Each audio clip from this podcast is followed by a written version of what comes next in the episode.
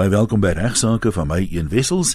As jy verlede week geluister het, sou jy gehoor het eh, ek en Ignas gesels met Louwelen Kloos, 'n kenner van die strafreg, spesifiek oor regsaspekte wat motoriste raak by die vakansie op hande en uh, dit was so 'n lekker program, ons nog 'n hele paar vrae wat Ignas wil vra, so ons het weer vandag vir Louwelen hier. Hallo Ignas, hallo Louwelen. Goeiedag. Goeiemôre luisteraars. Lekker weer met julle gesels. Ek is seker van almal wat verlede week geluister het, is weer voor die radio vandag. Want dit is so lekker om te hoor presies wat ons mag en nie mag nie, veral wanneer ons nou weer een van die dae almal alreeds met vakansie is of nog gaan met met verlof. Uh Louwelen, ek het ook aangedui ek wil bietjie met jou praat oor wat doen ek as ek dan nou in 'n motorbotsing betrokke is. Maak nie saak of ek skuldig of onskuldig is nie, ek is in 'n motorbotsing betrokke. Hoe moet ek myself uh, gedra handhaaf om seker te maak dat uh, ek my skade kan verhaal en of wat ek nogal die nagevolge mag wees die beste kan verteer? Die maklikste antwoord wat ek kan gee is om natuurlik die voorhand liggendste dinge te doen. En dit is natuurlik met vandag se tegnologie moontlik om miskien foto's te neem van die skade op die voertuie, daar waar die kom ons noem by die glasstukke lê want dit kan later 'n impak hê om te bepaal waar die punt van botsing was, die sleepmerke en die remmerk op die teerpad ensovoorts. Met ander woorde neem foto's soveel as wat jy kan. Die tweede uh, belangrikste aspek is natuurlik uh, miskien voorkomend. Voordat jy op vakansie gaan, doen die moeite en gaan kyk, uh, doen navraag miskien by jou versekeringsmaatskappy, vra hulle miskien vir 'n uh, lysie van uh, wat hulle van tyd tot tyd uitgee om te sê wat moet ek doen as ek in 'n ongeluk betrokke is? Watse inligting moet ek bekom? Want inligting is van kardinale belang, nie net vir nou nie, maar vir die toekoms want jy weet nie wat gaan voortspruit uit daardie ongeluk nie. Gaan daar 'n moontlike siviele aksie uh voortspruit of gaan dit moontlik in 'n strafsaak ontaard op 'n stadium of beide? En nie net dit nie, dit is ook belangrik om jouself te beskerm teen moontlike aantuigings later dat jy die oorsaak was van die ongeluk waar jy miskien onskuldig was. En wat is die posisie met die bewyskrag? Sien nou maar byvoorbeeld wat gewoonlik gebeur, die persoon wat uh, skuldig is, is onmiddellik bitter jammer.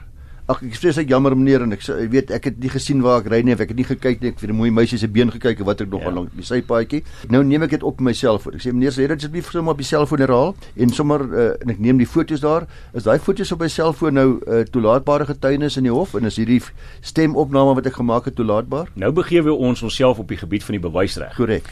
Natuurlik Afhangende van die aard van die bewysmateriaal, in hierdie geval identifiseer ons dit as sogenaamde dokumentêre getuienis, dan is daar sekere voorskrifte rondom toelaatbaarheid.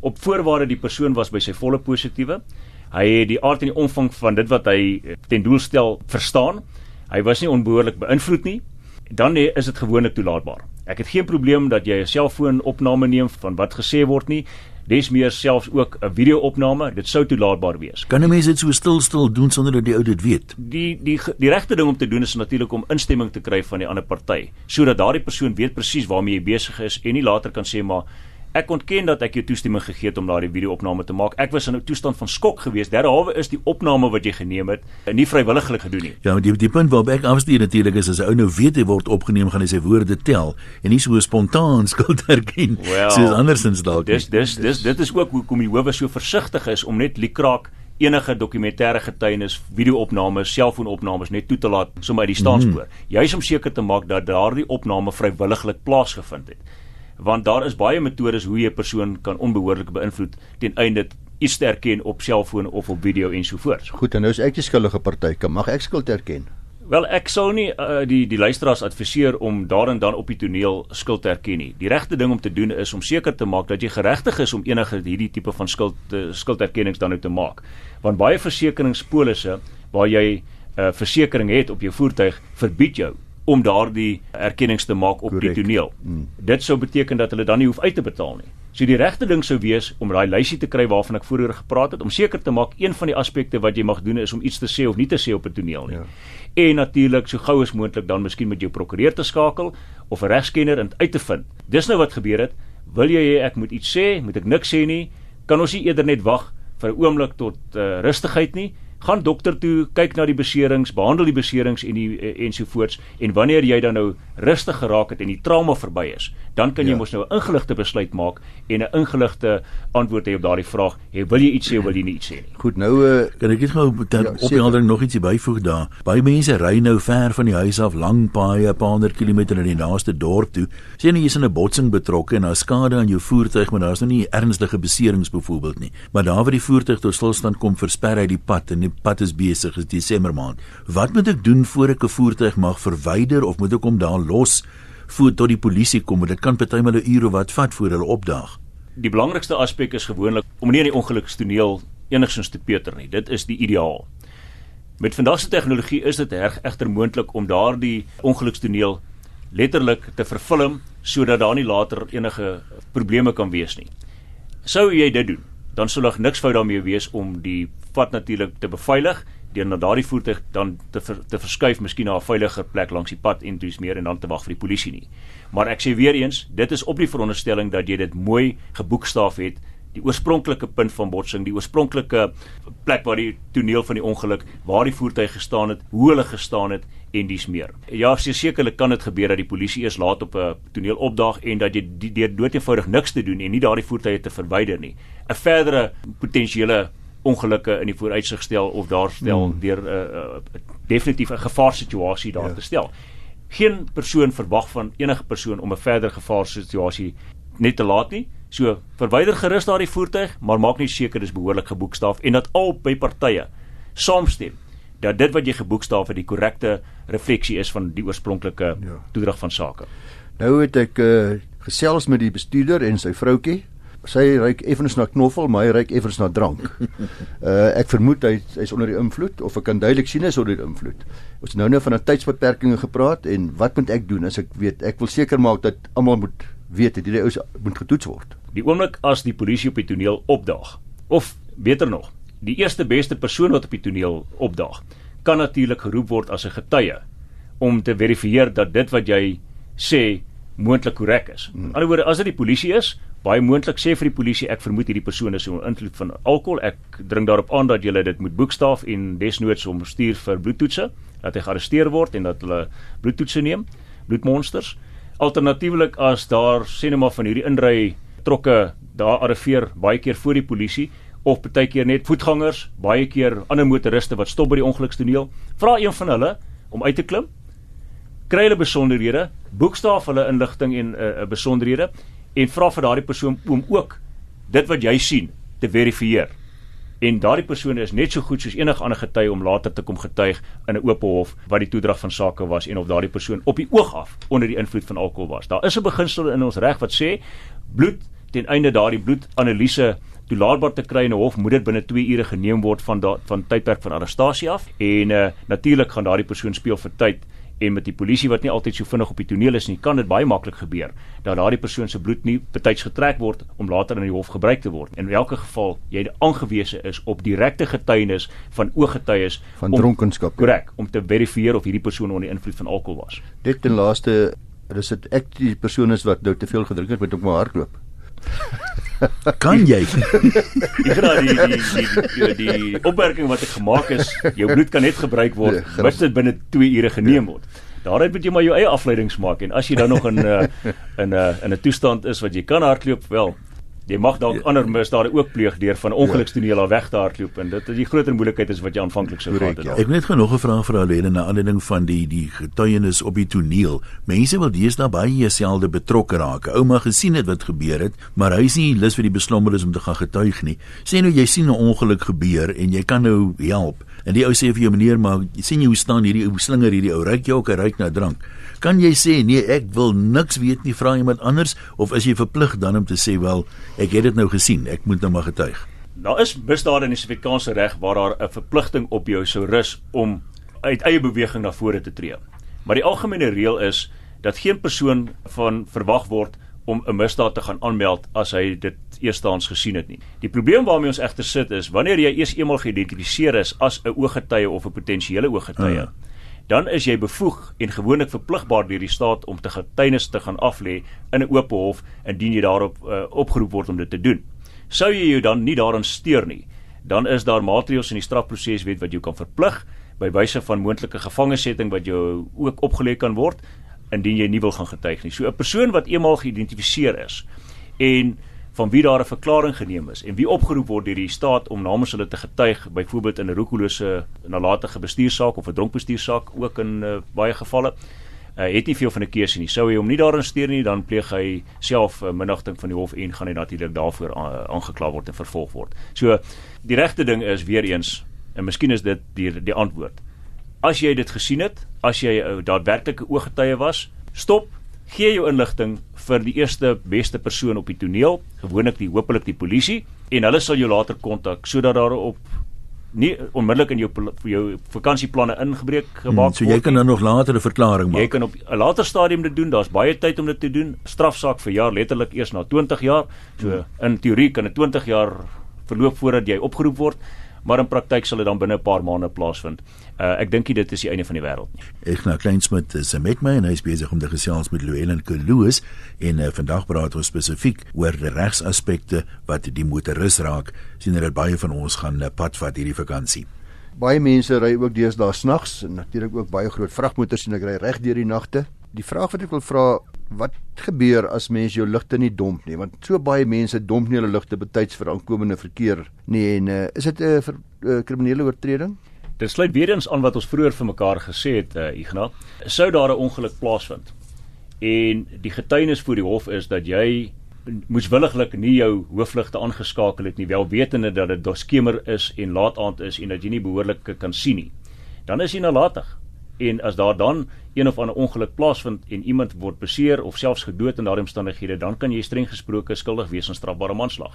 So die eindeffek van jou optrede. Dui weer eens op die feit dat jy nalatig was, met ander woorde dat daar skuld van een of ander aard aan jou toegeken kan word en op grond van daardie beginsels word jy dan duidelik skuldig bevind. In aansluiting daarbey, kom ons sê nou ek ry die ou wat van voor af kom domp nie sy ligte nie en hy verblind my en ek ry 'n voetganger raak. Sou dit 'n verweer wees om te sê maar die ek het verwag die ou gaan sy ligte domp, hy het nie toe kan ek niks sien nie en ek moes net maar blind ry vir daai 20, 30 hoeveel meter ook al. Absoluut, dit is 'n goeie verweer. Inteendeel, die vraag wat die hof homself moet vra eh, wanneer nalatigheid beoordeel word en die toets wat toepassing vind is die van 'n redelike hof wat homself in dieselfde voete of in dieselfde omstandighede plaas as waarin jy jou bevind het op daardie punt van botsing.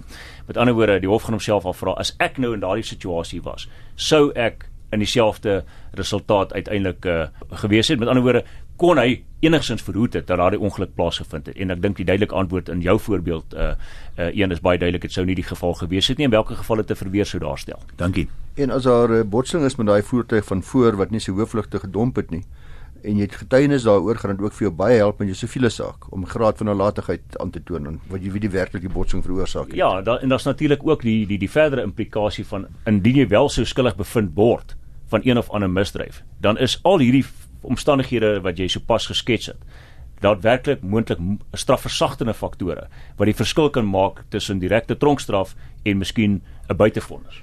Terwyl ons praat van hoofligte en gedompte ligte wat baie baie gereeld met almal van ons gebeur wat ook die van ons wat luister vandag is dat mense vir my waarsku deur hulle ligte te flits dat daar voor is iewers 'n spoedlokval. Ek weet onmiddellik wat dit beteken. Ek ry 160 en nou gaan ek waarskynlik na 120 toe om binne die spoedbeperking te bly. So die persone verhoed nou dat die staat se wetstoepassers ja. my kon vang. Is dit dwarsboming van die reg of was daar ook ander argumente? Ja, nee, jy jy jy verwys na een aspek. Ja. Dit is natuurlik 'n oorskryding van wetgewing en dit is 'n misdaad op sigself om dit te doen. Maar daar's 'n ander skool van denke en ek wil miskien net vir ons luisteraars hmm. hierdie ene ook uitwys. En dit is om te sê deur dit te doen, is jy besig baie moontlik om natuurlik proaktief op te tree en juis te verhoed dat 'n misdaad plaasvind. Deur daardie stappe te neem en jou persoon aan die ander kant te verwittig van 'n moontlike padlokval wat vorentoe vir hom wag, keer jy hom om die spoedgrens te oorskry, hy verminder sy spoed en daar vind nie 'n misdaad plaas nie. So daar's twee skole van denke in die verband en uh ek het al dit persoonlik ervaar dat albei hierdie skole van argument uh, voor die howe geargumenteer word en suksesvol is aan beide kante. So uh, daar is nie 'n definitiewe antwoord op daardie vraag nie. Uh, elkeen moet hom vir homself uitmaak of hy uh, uh, of hy dink dit is 'n misdaad om dit te doen en of hy uh, van van voornemens is om te sê maar ek uh, ek is eintlik besig om almal te help in die pad 'n veiliger plek te maak deur my my maatjies in die teenoorgestelde kant te, te verwittig van wat aangaan. Ons voertuie het almal parkeerligte. Dit word genoem parkeerligte. Dit ja. word nie genoem skemerhandligte nie, maar parkeerligte. Die vraag is, nou word parkeerligte in die skemerhand gebruik wat nie werklik baie mooi sigbaar is. Wat is die posisie met skemertyd? Moet ek al reeds my hoofligte aanskakel of is my parkeerligte voldoende? Die die ideaal wêreldwyd uh, is en dis die tendens ook is om altyd jou hoofligte aan te hê. Baie voor, motorvoertuie kom deesdae uit as 'n standaard met hierdie ligte wat dag en nag aan is. dis 'n outomatiese verstelling wat deel is van die voertuig. Die rede daarvoor is natuurlik om sigbaarheid te bevorder en dit sluit aan by jou vraag, is dit genoeg net om jou parkeerligte aan te hê? Nee, as jy sekerlik is dit waarskynlik nie genoeg om net jou parkeerligte aan te hê as dit al reeds laat skemer is nie, want jou sigbaarheid word daardeur wesentlik beïnvloed en jy skep letterlik 'n gevaar vir ander padgebruikers deur nie daardie reëls na te kom nie. So weer eens, die eindeffek en wat daaruit sal uh, volg met ander woorde sou daar 'n ongeluk plaasvind gaan bepalend wees tot watter mate jy verantwoordelik gehou gaan word al dan nie. Is daar nie ordonnansies of iets in verskillende provinsies wat spesifiek sê jou hoofligte moet jy aanskakel skemertyd nie? Daar is inderdaad met ander woorde wat wat jy vir my sê is een en jy is korrek as jy dit opmerk. Mens kan nie net jou jou blind staar teen die padverkeerswet nie. Jy moet ook kyk na ander wetgewing wat van toepassing vind op elke jurisdiksiegebied op sigself. Elke jurisdiksionele afdeling van 'n landdroshof het sy eie interne ordonnansies wat ook natuurlik deel is van wetgewing en waarin 'n persoon ja. moet steur. Daar's provinsiale ordonnansies. Elkeen van hierdie verskillende wetgewing, ons noem dit van 'n uh, laer wetgewing as jy dan noem en of ondergeskikte wetgewing baie keer na verwys. Dis 'n bylaws in Engels. Korrek. Moet ook in ag geneem word. Daarom sê ek dit is 'n dis 'n baie gekompliseerde vraag in die sin van daar is nie net een direkte antwoord nie. Dit hang af weer eens van plek tot plek en van persoon tot persoon en van jurisdiksiegebied tot jurisdiksiegebied. Maar die algemene, kom ons noem dit antwoord op die vraag is asseblief sit jou hoofligte aan wanneer jy twyfel enige tyd van vroeë skemeraand en en verkieslik sommer reg hierdie dag. Ja, verkieslik reg hierdie dag. Amorey sal baie bly wees as jy dit ook sê want sy sê dit baie gereeld vir ons almal. Uh, en dit maak jouself net soveel meer sigbaar al is dit nie helder dag. Veral met jy deesdae ja. kry baie voertuie kom met donker kleure uit, donker grys, swart en so aan en in die agtergrond van 'n swart teerpad sien jy daai ou baie baie moeiliker as 'n wit motor of 'n geel motor byvoorbeeld. Llewellyn, ek het nou was in 'n motorongeluk gewees. Dit was die ander party se skuld uh, na my mening. Hy word strafregtelik vervolg van roekeloos op nalatige bestuur en ek wag nou geduldig vir die uitslag van hierdie strafsaak voordat ek die geld gaan spandeer aan 'n siviele saak. Ek wil eers hê hy moet skuldig bevind word. Nou kom ons in die hof en uh, dalk is die vervolgings uh, aanbieding nie baie goed gewees nie of die polisie het nie hulle werk behoorlik gedoen nie of die getuienis is nie voldoende nie. Om een of ander rede kry die ou die voordeel van die twyfel wat die bewyslas is by die strafsaak en hy word onskuldig bevind. Dis die einde van my siviele saak vir die skade aan my kar. Nee, gelukkig nie. Daar is niks fout daarmee om te gelyketyd met 'n strafsaak ook jou siviele remedies uit te oefen nie. Dit gebeur op 'n daaglikse basis waar 'n persoon desnietenstaande 'n moontlike strafsaak wat volg, ook 'n siviele saak gelyktydig laat hardloop met hierdie strafsaak nie. Die bewyslas in beide hierdie sake is verskillend. In strafsaake is dit boorredelike twyfel terwyl dit in siviele sake 'n blote oorwig van waarskynlikheid daarstel. Met ander woorde wat ek eintlik probeer sê is vir die luisteraar, dis makliker om met 'n siviele saak teen 'n persoon te slaag en jou skade terug te kry te verhaal van daardie verweder of delikspleeger dan in vergelyking met 'n strafsaak waar die staat boorredelike twyfel 'n saak teen 'n moontlike beskuldigde moet bewys ten einde om te kan skuldig bevind en te sanksioneer. So die mense dit nie maar hoofsaaklik om geld te spaar nie, want die strafsaak kos jou niks ja, en dit mag jou 'n paar rand spaar in die siviele ding wat nog kom. Dit is so, maar daar is 'n daar's 'n ongelukkige sterkie aan hierdie ene. Die enigste voordeel wat jy as lid van die publiek om jou skade te kan terugkry uit 'n strafsaak kan regverdig is as jy daarin slaag om terselfdertyd na skuldig bevinding die hof te kan oortuig om 'n sogenaamde artikel 300 vergoedingsbevel ook uit te reik. Sou dit gebeur, dan het dit die presies dieselfde effek as 'n siviele uh, vonnis en kan daar 'n lasbriewe vir eksekusie uitgereik word en dis meer. Maar dit is op die veronderstelling punt 1 'n skuldig bevinding volg wat 'n baie moeiliker bewyslas is in 'n strafsaak en punt 2 dat die staatsaanklaer namens jou daardie vergoedingsbevel vra. En as jy eenmal dit gevra het en die persoon kom dit nie na nie, dan kan jy nie later terug gaan en sê maar nou wil ek hê hy moet eerder tronkstraf uitoefen of 'n ander boete opgelê word omdat hy nie sy vonnis uh, eerbiedig nie. Die ander waarheid wat ook in gedagte moet gehou moet word is in 'n siviele saak moet jy nie wag vir ewig nie. Want siviele sake verjaar na 'n sekere aantal tydperk in hierdie geval gewoonlik 3 jaar, uh, waarna jy verbied word om ooit weer 'n siviele aksie in te stel. Daar is 'n verdere aspek daaraan verbonde en dit is natuurlik die kwessie rondom versekeringsmaatskappye en die karre wat moontlik verseker is. In terme van jou versekeringspolis is jy verplig om binne 'n sekere aantal ure, gewoonlik 48 uur of verwante tydperk, moet jy dit rapporteer aan die versekeringsmaatskappy sodat hulle letterlik dan kan besluit of hulle wil instaan daarvoor en die saak by jou wil oorneem en van daar af die die die siviele saak wil wil dryf. So elkeen moet afsonderlik oorweeg word, maar terug te kom hmm. na uh, Ignas se vraag toe, asseblief luisteraars, moenie twyfel daarin dat jy geregtig is om beide die siviele roete sowel as die strafroete te volg nie en ek word adviseer om dit ernstig te oorweeg. Wat wel waar is natuurlik is dit gebeur baie dikwels dat as daar 'n skuldige is in 'n strafsaak, uh, dat dit maak die siviele saak net soveel makliker. Aan die ander wyse die prokureur aan die ander kant gaan onmiddellik vir sy kliënt sê maar jy weet jy's klaar die hof het klaar en ek bevind en hier's die getuienis op rekord ensovoorts jy mors jou tyd en jou geld. Die rede daarvoor is voor die hand liggend. Uh, is wie kom weer eens in by die bewysmaatstaf wat swaarder is in 'n strafsaak as in 'n siviele saak dis tog duidelik dat as indien 'n landros regmatiglik boorredelike twyfel reeds bevind het. Die beskuldigde was die persoon wat die ongeluk veroorsaak het. Dan is dit voor die hand liggend dat dit baie makliker is vir daardie siviele prokureur ja. om vir sy opponent te wys dat die verbeter die die persoon is wat die ongeluk veroorsaak het. Natuurlik is daar 'n beginsel ook van grade van nalatigheid wat 'n toepassing vind in die siviele saak. Dit ook in, in aggenome wat belangrik is. Uh en dan soos uh Ignas uitgewys het, moet ons nie vergeet nie dat hy daardie verjaringstydperke geld.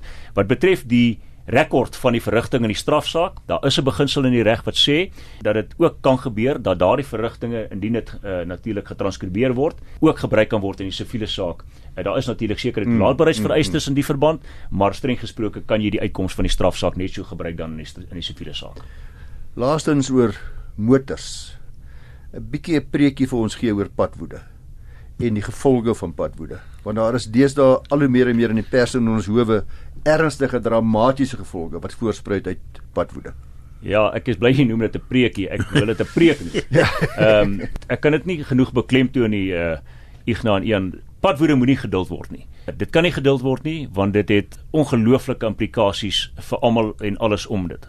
Dit is 'n misdryf die oomblik as jy jouself oorgee aan padwoede, padwoede Die oomblik as jy uit jou kar uit klim en jy dreig 'n persoon met 'n revolver in jou hand of jy sê vir hom wat jy met hom gaan doen en of jy gaan verder en jy rand hom aan, dan stel jy jouself bloot aan misdaad. Slaan sy kar met iets met met 'n wolfbalkol wat ek nog. Ja. Buiten dat ek dink dit is dom, want jy weet nie wat se vuurwapen daardie persoon in die ander voertuig moontlik ook te voorskyn gaan bring ja, om jou daarmee te konfronteer nie. Jy moet nooit na 'n gunfight gaan met 'n mes nie. Korrek. So jy, ek meen dit is doeteenvoudig. Ek wil dit verder stel. Ek wil ek, ek wil self so ver gaan om te sê dit is dit is onnosel want punt 1 jy weet nie wat die ander persoon moontlik as 'n moontlike verdedigingsmeganisme in sy voertuig het nie. So jy stel jou eie lewe in gevaar en desnoos die ook van jou familie en ander persone wat saam met jou in die voertuig is. Tweedens, jy stel jouself bloot aan vervolging want jy het pleeg 'n misdryf, daardie persoon miskien ook, maar dit keer nie die staat om julle albei aan te kla van 'n misdaad nie en dit gebeur in 9 uit die 10 gevalle presies net net so. Die derde probleem waarmee jy sit is wat is die implikasies daarvan? Sou jy dan skuldig bevind word, is hierdie optrede van jou ook gewoonlik in terme van die gesag wat heidaglik in ons howe dien, verswaarende uh, getuienis. Met ander woorde, jy sal selfs nog swaarder gestraf word as daardie persoon wat doeteenvoudig 'n ander persoon net aangerand het in die verbygaan. Doeteenvoudig omdat jy met voorbedagte rade besluit het om iets in hierdie situasie te doen en jy het dit letterlik dan uh, tot die ekstreme uh, daar gestel. So, dit kan op geen wyse goed uitwerk vir jou nie uh, my advies is dood eenvoudig bly weg van padboere. Draai die ander wang vir eens in jou lewe en trek af as jy moet um, en vra eerder om verskoning. Daardie een oomblik van onverskoning vra gaan vir jou baie baie baie punte wen ja. en jy kan later indien jy weg is en op 'n veilige afstand is of vanaand wanneer jy 'n glasie wyn drink langs die see dan kan jy maar in jou gedagtes daardie persoon dan maar vloek en speel snavel. Die, die ander ding natuurlik in vandag se tyd met sosiale media, dit gebeur baie keer dat mense 'n video-opname maak van sulke insidente dan beland dit op YouTube en ek weet van 'n uh, iemand wat onlangs in baie groot verleentheid daaroor was. Jy weet en as daai goed uitlek, jy sou doen aansoek vir werk en hulle sê maar ja. jy sê ou wat so te kere gaan die gevolge is nimmer eindig. Of jy werk reeds vir 'n instansie ja, wat precies. deel van jou dissiplinêre kode dit stel dat jy nooit ooit daardie werkgewer vir jou se naam in sy reputasie in gedrang mag bring nie en daardie daardie optrede te volg het jy presies dit gedoen. So jy kan self jou werk uh, uiteindelik verloor. Een heel heel laaste vraagie wat ook deesdae baie meer gebeur. Dit is die feit dat mense is bang dat die persoon wat my wys om af te trek omdat ek na beweringe verkeersoortreding gepleeg het, nie dalk 'n polisie is nie. Gemerkte ongemerkte voertuig, uniform of nie uniform nie. Is ek geregtig om dit te ignoreer en te ry na die laaste polisiestasie toe sodat ek daar op, op in 'n beskermde gebied met die man kan praat en hoor wat hy wil hê? Jy kan inderdaad dit doen. Uh, dit is op, op die veronderstelling dit is 'n ongemerkte voertuig sou dit 'n polisievoertuig eh, wees wat duidelik gemerk is, dan kan jy natuurlik aandring dat die persoon sy identifikasie aan jou toon uh, en jy kan jouself verifieer dat hierdie persoon inderdaad 'n polisiebeampte is maar daar is niks fout daarmee om vir die persoon dan wanneer hy langs jou intrek jou vooruit af te draai en vir hom te sê ek is nie oortuig dat jy moontlik 'n polisieman is nie ek wil my dit verifieer uh, gee vir my jou jou besonderhede dat ek dit inbel en seker maak dat jy is wie jy is alternatiefelik ek sal stadig ry ry agter my aan tot by die naaste polisiestasie en ons kan daar stop en dit behoorlik met mekaar uitsorteer so dit is miskien ja. die regte ding om te doen Ek dink dis alwaarvoor ons gaan tyd hê. Dit was nou werklik insiggewend hierdie laaste twee programme. Ek is seker motoriste het baie baat daarbey gevind en uh, hou hierdie goed in gedagte as jy ja, met verlof gaan en as jy 'n vriende van jou wil weet, weer wil luister, gaan na die webwerf toe rsg.co.za. Die uh, programme is albei as potgoeie beskikbaar soos alle ander programme van regsaake. Ignalueren baie dankie alsoos mooi is vir julle vir die feestyd.